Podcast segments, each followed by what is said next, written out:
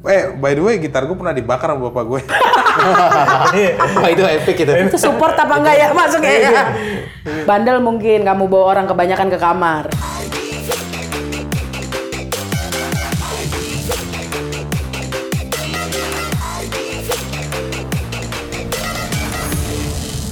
Halo teman-teman, balik lagi di Kesan Bersuara. Kali ini episode 5. Gue Puput, tentunya gue nggak sendirian, ada teman gue, Seperti biasa sama Theo ada Theo juga. Tapi kali ini kita nggak berdua doang. Kita ada teman ada kita. tamu kali ada ini tamu. kita. ah.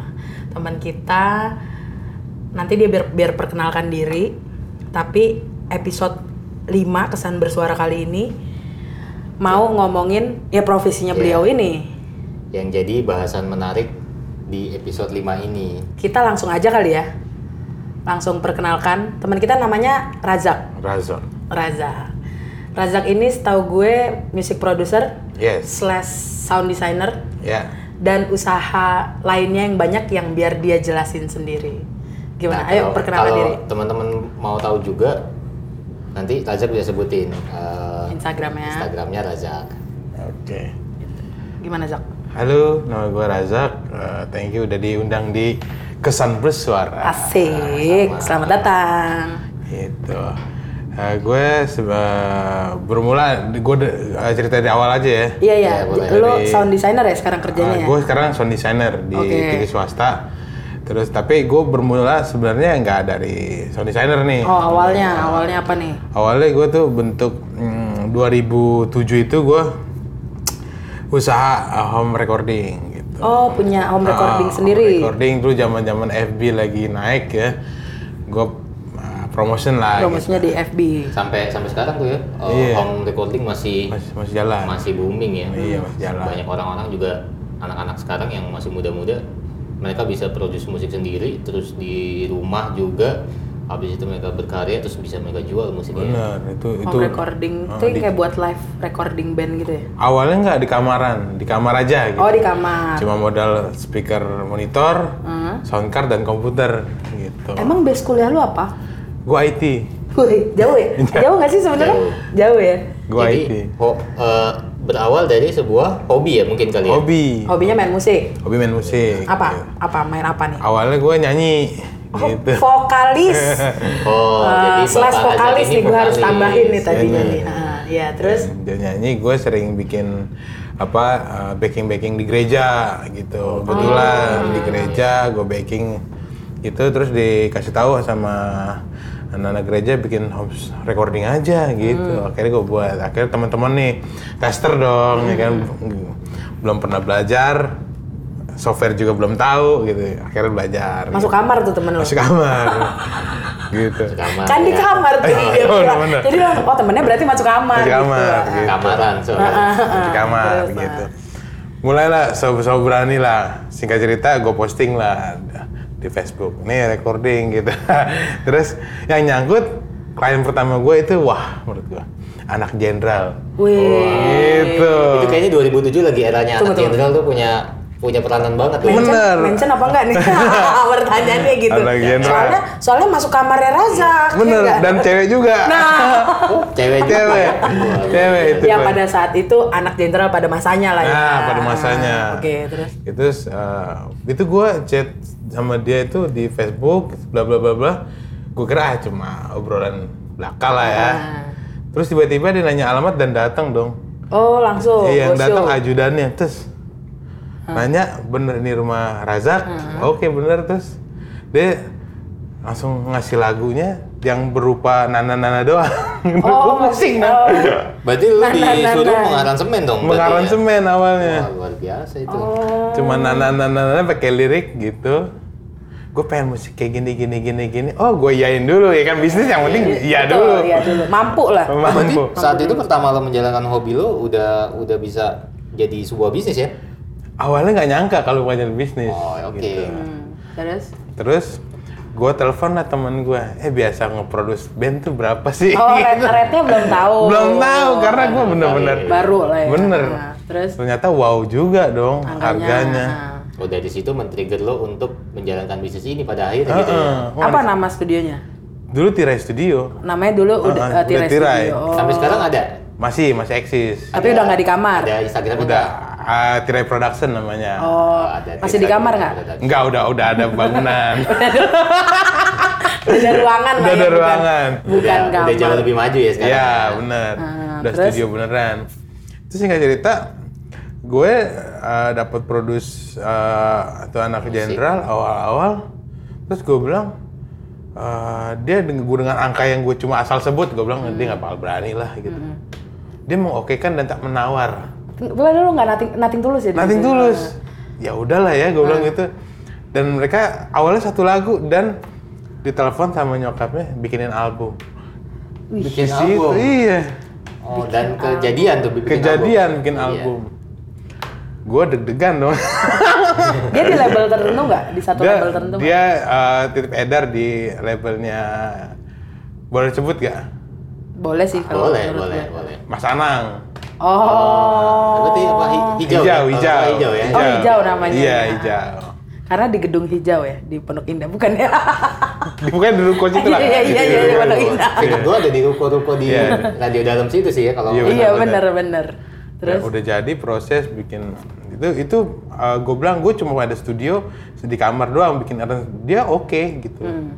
dia oke gua tapi gue tetap take drumnya atau bikin musiknya misalkan pinjam studionya Sandi Pas Band di luar lah ya. ya gitu I- itu di era 2007 kayaknya masih agak jarang yang namanya uh, studio rekaman ya. Home Se- recording ingat itu. Ah. gue yang- bener yang berkualitas ya Iya, kalau sekarang kan kayaknya agak lumayan banyak ya. banyak sekarang Ya, cuma bertebaran nggak tahu kalau masalah kualitas ini mungkin teman-teman kesambi suara juga lebih bisa menentukan yang- Iya. yang, paham ya.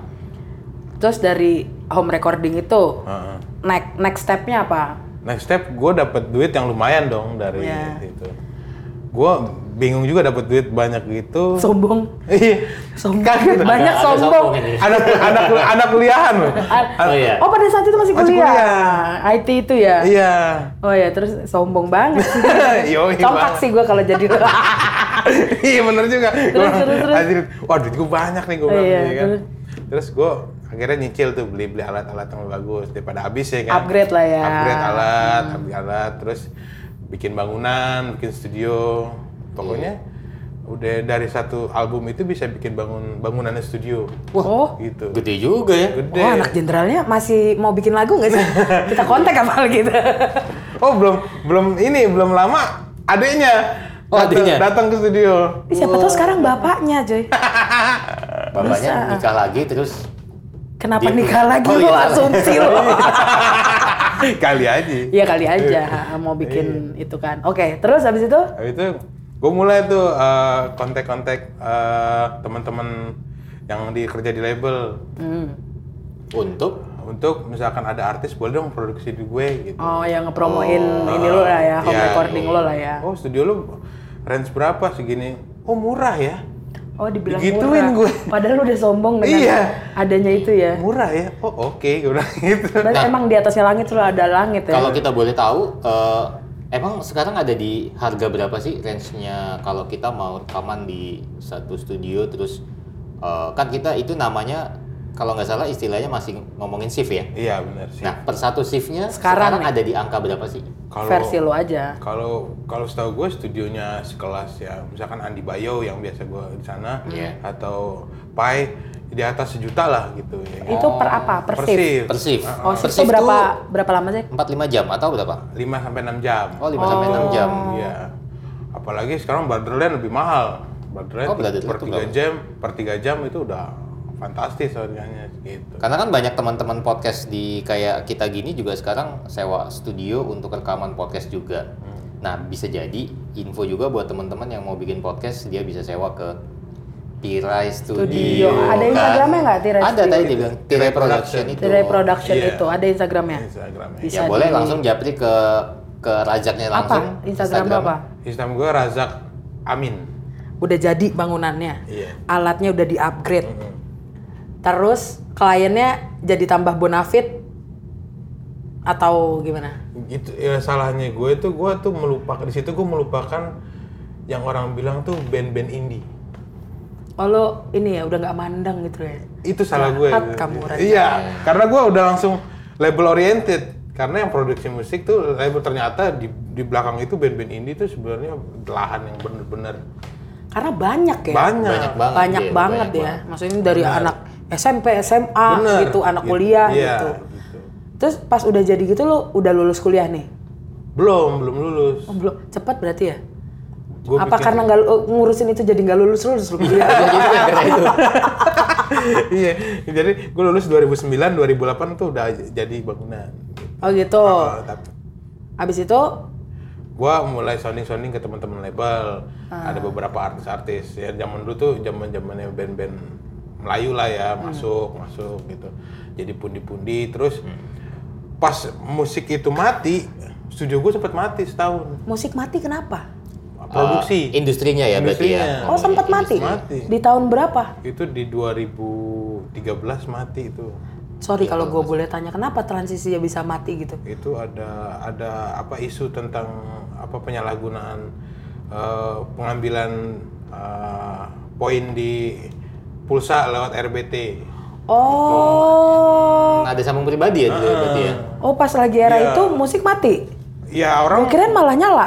Eh nyala, maksudnya malah Mungkin Um, kalau booming. Oh, gue bisa simpulin itu era transisi dari eh, analog ke Digital. digital, ya. Musik Iya, udah mulai masuk ke ranah digital sehingga bentuk fisik itu udah mulai nggak dipedulikan ya, sama orang. tinggalkan. Ditambah waktu it- waktu itu seingat gue ada era pembajakan ya. Banyak pembajakan musik akhirnya si artisnya sendiri juga mereka nggak menghasilkan apa-apa dari penjualan fisiknya mereka Oh, sendiri. maksudnya gitu. kaset, CD Iya, iya. gitu ya. Bingung mau jualan apa lagi gitu. Padahal plat dulu belum belum belum hits lagi ya. Iya. Belum. Kalau nggak Nah. salah hits di 2015 15. ya. kalau Baru gitu hype ya. lagi. Heeh. Juga itu kan segmented juga. Iya, Iya, karena playernya juga nggak sembarangan Iya, ya setahu gue kayaknya ya. Mahal juga. Akhirnya udah ma- pada main digital platform, Digital. elunya sempet turun tuh di situ. Turun gitu. Berarti boleh dong ya kalau gue bilang sebenarnya seorang Razak ini menjalankan profesinya berawal dari hobi Benar. Oh iya, yang akhirnya juga menghasilkan uang. uang. Iya, cuan. Ya kan benar kan Ah, menghasilkan cuan. Iya, cuan. Cuan oriented. Cuan oriented. Sekarang mah semuanya matanya cuan, cuan, cuan. Iya. cuan. cuan. Jadi Terus? emang masukan buat teman-teman kalau gue boleh boleh kasih s- di episode Tiga.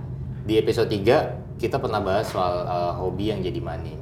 Nah, Nah ini bisa jadi kali- part 2 kali nih ini ya. sama sama Ra- Razak juga dibahas bagaimana dia menjalankan profesinya sekarang, bisnisnya sekarang berawal dari hobinya dia sendiri. Iya, Oke. Tadi lo sempat mention kalau lo vokalis. Kalau vokalis berarti biasanya anak band ya. Iya. Nama bandnya apa sih? Dulu tuh bandnya gue Banyak nih kayaknya kalau ngomonginnya dulu nama bandnya berarti banyak. band yang yang memasuki gue industri ya. Dulu tuh gue gabung sama Lensa namanya. Lensa. Lensa Band. Keren sama. Ah, terus Itu pertama desain kontrak eh, sama Warner Music. Gitu. wow, nggak indie ya kalau Warner ya jatuhnya ya. Ya. Uh, iya, major ya. Lumayan major Iya, lah ya. major. Terus terus.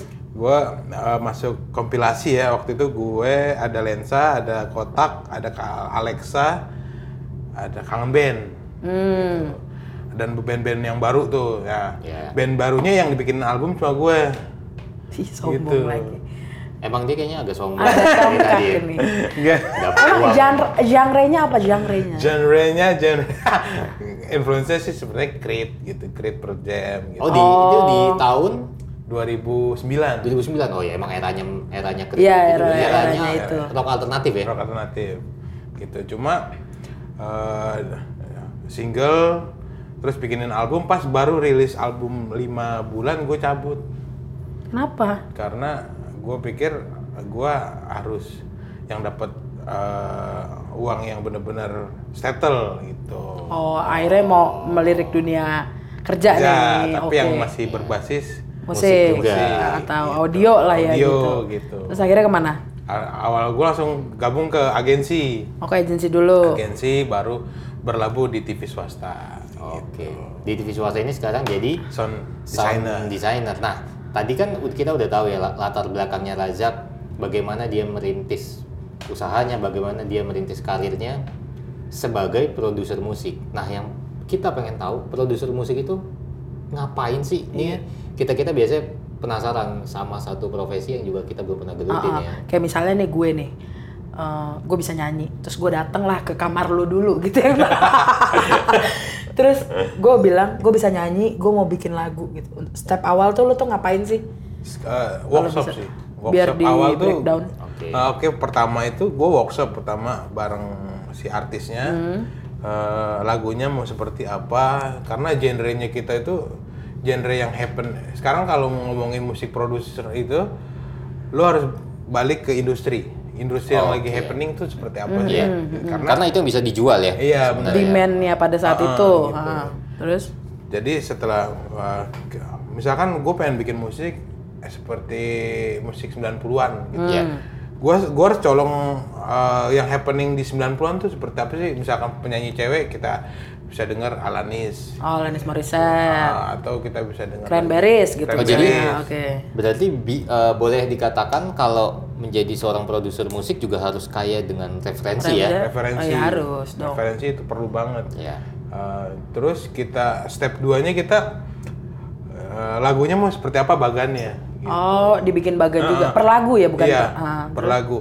Jadi jangan heran misalkan kita denger-denger lagu satu-satu band yang udah lagi happening sekarang kita denger flashback lagu-lagu tahun 10 tahun dari kemarin tuh kayaknya ada yang sama. Iya. Itu karena emang referensi sebenarnya gitu. oh Gitu. Dan- Karena industrinya juga kalau gue sendiri, gue pribadi ngerasa industrinya tuh kayak bola juga ya, kayak Muter gitu lah ya, lingkaran, ah. muter Bener. juga. Ini balik kalau gue dengerin musik-musik zaman sekarang itu balik gue inget musik di tahun 80 90-an gitu 80-90-an lagi. balik ke retro-retro lagi gitu Atau lah ke ya. era 70 ya, mungkin Iya. bisa dibilang flashbacknya flashbacknya. Jadi kayak munculin memori juga gitu ya. Jadi kayak pasarnya jadi lebih luas gitu nggak sih? Bener gitu. Jadi dan industri musik di Indonesia itu sebenarnya jadi bahan jualannya orang luar karena demandnya orang Indonesia itu khususnya Asia itu Lumayan apa tinggi ya? lumayan tinggi gitu. Oh, Nah kalau gue ada yang mau gue tanyain nih jadinya. Dulu tuh kan waktu eh, gue kuliah dulu sempat jadi manajerin band lah ya. Apa sih bedanya kalau karena kita bandnya mungkin tidak sebejo band lo yang langsung di guide sama Warner gitu ya. Kita pasti bikinnya IP IP IP dulu gitu. Apakah itu identik sama orang anak indie gitu maksudnya sama musik indie atau memang ya emang album tuh emang udah buat ini IP lo banyak nggak terima jawaban ngerjain IP? Akhir-akhir ini gue banyak terima IP Hmm. indie karena IP itu sebenarnya identitas si bandnya ya. Kecuali band industri yang bener-bener pop itu ngeluarin single satu aja udah meledak ya Oh, udah iya. tajir. Kalau Ah. kalau indie kan bener-bener harus milih mirip-mirip gitu. Misalkan lagu ini belum tenor keluarin lagi, keluarin lagi. Jadi banyak senjata sih pelurunya gitu aja sih. bedanya apa sih kalau buat berbagi bu- sama teman-teman yang lain bedanya IP selain gue taunya cuma tracknya nih banyak tracknya bedanya selain itu apa? IP single itu satu, IP itu enam. Kalau album itu sepuluh gitu itu aja sih sebenarnya. oh itu ya dari hitungannya gitu ya, Hitungannya Ah. gitu aja. Ah. single 1 IP 6 Heeh. album 10 dulu. Nah, kalau dalam segi promosinya, kalau single itu ngeluarin misalkan satu single itu mengeluarkan 100 juta untuk promosi. Nah, m- kalau label karena udah mikirnya pasarnya gue udah pasti dapet, ya gue ngeluarin single aja produksi murah, pasti gue dapet 100 juta itu udah. udah- udah. tapi biasanya jarang orang yang jual IP ya Kalau ini banyak.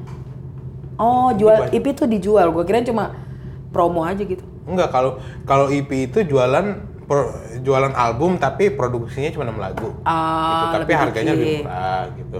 Kalau album itu bikin 10 lagu jualnya agak mahal gitu. Tapi kalau kalau anak indie kan gua harus punya EP untuk bisa jualan untuk nutupin produksi gua dong. Ah, ah, Kalau- baru bikin ah, album Kalau gitu ya. single itu kalau artis udah di label ya gua dikeluarin single yang produksi label mau cuan mau enggak urusan label gitu. oh nah kalau sebagai major ya produser musik di tahun 2019 ini menurut lu industrinya musik lagi ke genre apa nih, Jam? Genrenya lebih random.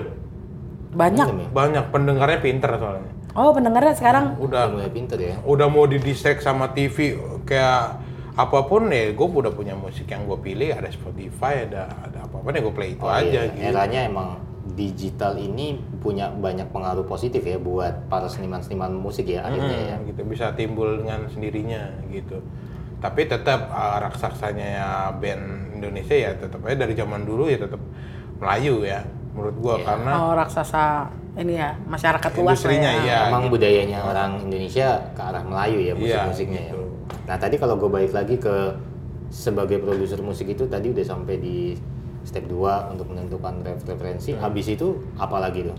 bikin bagannya Ah, Bikin kita bagan. mulai uh, take guide gitu bisa bi- biasanya gue kalau nge- bikin musik guide itu apa uh, guide itu vokal kita nyocokin vokal di uh, chord mana Hmm. terus kita balikin lagi ke misalkan ada investornya kan Iya.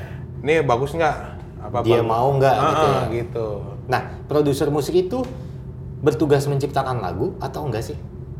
Mem- mendirect musik sebenarnya Om dari musik. mau seperti apa Jadi emang eh, kitanya yang punya mau ya artisnya sendiri ya. Iya gitu. Misalkan let's say uh, produser dari label A datang ke gua nih bikinin uh, produce musiknya. Oke. Gue dengerin lagunya. Biasanya uh, yang gue udah alamin misalkan gue bikinin album. Ya. Mereka akan ngasih lebih dari 10 lagu. Gitu. 30 lagu dikasih. Oh, ntar yang- dikurasi sama Ah, lo. Ini lagu 30 lagu ini yang udah gue jagoin semua. Uh-uh. Gitu. Tinggal feeling lo nih seperti apa gitu. Oh berarti emang sebagai seorang produser harus bisa membaca Situasi. situasi terus musik apa yang cocok untuk di tahun ini gitu ya. Di eranya dikeluarinnya dari 30 tuh yang mana aja gitu. Jadi sebenarnya belum tentu seorang produser musik menciptakan lagu ya. Belum tentu. Bisa jadi lagu dari si artisnya sendiri Iya. atau dari orang lain ya. Beli dari orang lain. Beli dari orang lain. Nah, kalau untuk band lo sendiri lo nyiptain lagu nggak? band gue itu bikin materi 70 lagu Widih. dan diterima cuma 7 yang lain Cuma dibuang. 10 persen iya Oh ya, buat info aja ya, Razak nih punya punya band juga. yang Namanya sekarang. apa tuh? Kalau yang Yang namanya Nah, sekarang. kalau yang dulu Nah, Lensa, ya, kalau yang sekarang, sekarang Billy the Kid Billy the asik. Kid. gitu. Udah ada YouTube-nya boleh di subscribe Billy the Kid TV Billy the Kid TV. Nah, ini menurut gue juga salah satu band yang lumayan gokil ya. Ah, Lumayan apa gokil. tampil semua Tampil personelnya tuh pengen tampil gitu ya. banci semua Baju semua. Bajunya kutip ya, Ah, teman-teman ya. Bukan. Angkut angkut ya. Terus abis itu mungkin kalau kendala teknis Teo lebih ngerti. Jadi mungkin Teo yang nanya apa nih kalau kendala-kendala selama lo punya home recording terus ngeband terus jadi produser. Eh sorry sorry sorry, gue mau nanya dikit. Kalau lo ta- kita ngomongin tadi bayaran, itu lo per shifting, itu memproduce musik emang dibayar per shifting juga apa ada biaya tambahan untuk skill lo doang? enggak per lagu Oh, per lagu ya. per lagu Oh per lagu. Heeh, gitu, per itu lagu. lepas dari biaya shiftingnya apa kita shiftingnya udah udah, include kita nggak hitung shift lagi yang penting selesai oh gitu. project jatuhnya Project, ya? jadi Oh, katakan oke. per project Iya, akhirnya. project gitu. Ya, jadi kalau ngomongin tadi balik lagi ke kendala, sebagai seorang produser kendalanya apa sih? Mungkin ada kendala teknis atau kendala non teknisnya? Boleh dong dikasih tahu ke teman-teman ke Satu Kalau Suara. gue pernah produce cewek cakep itu dari lulusan eh, Mamma Mia Indosiar. oh Mama Mia Ah, Oke. gue produce itu kebetulan lagu dari gue musik dari gue semua dari gue itu pak produksinya ya Hmm. itu yang modalin tuh cowoknya oh itu itu couple nih couple bener jadi cowoknya yang punya duit lah gitu Iya. gitu dia nggak tapi dia tadi cuma jadi investor jadi ngatur ngatur ngatur ngatur kan si vokalisnya ini jadi Ngerasa terganggu kali. ya? bener kan pressure juga kali pressure kan. ya karena recording itu pressure dan dia ngebawa nama TV itu siapa nih dia dianya tuh Si artisnya. vokal- oh Ah. artisnya terus ngebawa nama TV itu uh, sebagai embel-embelnya dia gitu itu kan Hmm. berat menurut gua ya kan ngeluarin si- eh, bikin produksi uh, sendiri terus dengan lagu yang tadinya lagu itu mau dibeli sama band gede gitu Hmm. karena dia maksa akhirnya ya udah gua kasih gitu dikasih ke band gedenya ke penyanyi solonya oh Gitu. dikontrol gitu Oh, jadi sama sebenarnya pacarnya ya perkara non teknisnya mungkin kalau bisa gue bilang bisa jauh lebih banyak ya dari pe- Iya, ken- bener. kendala teknis ya. bener Karena kalau ngomongin kendala teknis, seorang produser musik pasti udah punya cara, trik juga buat ngatasin permasalahannya. ya. Hmm. Nah, yang kendala non teknis ini kan bersifat lebih bersifat ke permasalahan ke, ke kendala pribadi, pribadi personal, jatuhnya iya. personal ya personal. Nah, ini butuh Jadi, tapi butuh itu banyak personal itu- pengalaman ekstra. Heeh. mengganggu yang teknis yang non teknis itu menjadi, oh jadi kita gang ke bawah ya iya recording Iya, telat Ini kan recording telat, terus Oh, pas lagi nyanyi nggak konsen, ada cerita-cerita drama nangis dulu, ya kan repot ya kan? buat dia gitu. Akhirnya ditanyakan ke profesionalismenya. iya, gitu. Tapi ya untuk mengatasi itu sebenarnya lo udah ada trik sendiri ya. Udah ada trik. Udah ada trik sendiri. Ya mungkin lebih pendekatan ke personal orangnya aja. Kasih Nah, pundak ya. gitu ya. Nangis sini dulu gitu ya. Iya, gitu. Kalau band lebih parah lagi, banyak kepala, banyak kepala ya banyak maunya ya kita lebih pusing gitu. Terus kalau lagi take drum ada yang ribut jadi ngamut ngeteknya, jadi gitu. basicnya sih kita harus kayak kata Hendriko kemarin ya sebenarnya kendala tuh akhirnya terhadap keadaan ya Ya. lebih kepada keadaannya pada saat itu oke kalau gue mau narik kesimpulan lo di mana hobi itu akhirnya menghasilkan uang buat lo terus berarti lo selama ini bersungguh-sungguh ya dari cuma di kamar akhirnya punya ah, tempat sendiri alatnya proper intinya apa sih yang selama ini jadi keyakinan lo yang Jadi motivasi Iya. Ah, ah, juga. jadi motivasi lo juga sampai lo jadi sampai seka- kayak sekarang ini sukses lah alhamdulillah ya Alhamdulillah. Jadi gue mikirnya sih kesimpulannya gue diginiin sama apa eh, nyokap gue. Lu kalau mau ngerjain sesuatu jangan setengah. Kalau mau lo di audio ya di audio, jangan pindah-pindah gitu. Dari awal pun gue bilang ya udah gue mau usaha. Intinya gue bukan mau audio tapi gue mau usaha. Mm, di bidang audio Apa aja gitu. Ya. Gitu. Kalau lu mau jadi usaha, usaha, tapi lu harus kerja juga. Harus yang menopang bulanan lu. Gitu. oh Kayak gitu. untuk kebutuhan hidupnya ya Iya. kalau studio buat gaya hidup ya Nice.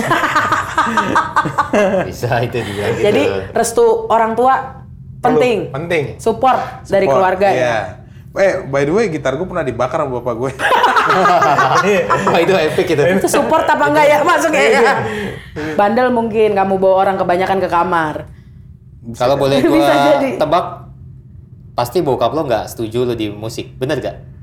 Betul. Nah. ada pro kontra ya ternyata Pro ya? kontra. Itu keadaan gue main gitar sambil tidur, diambil dan dibakar.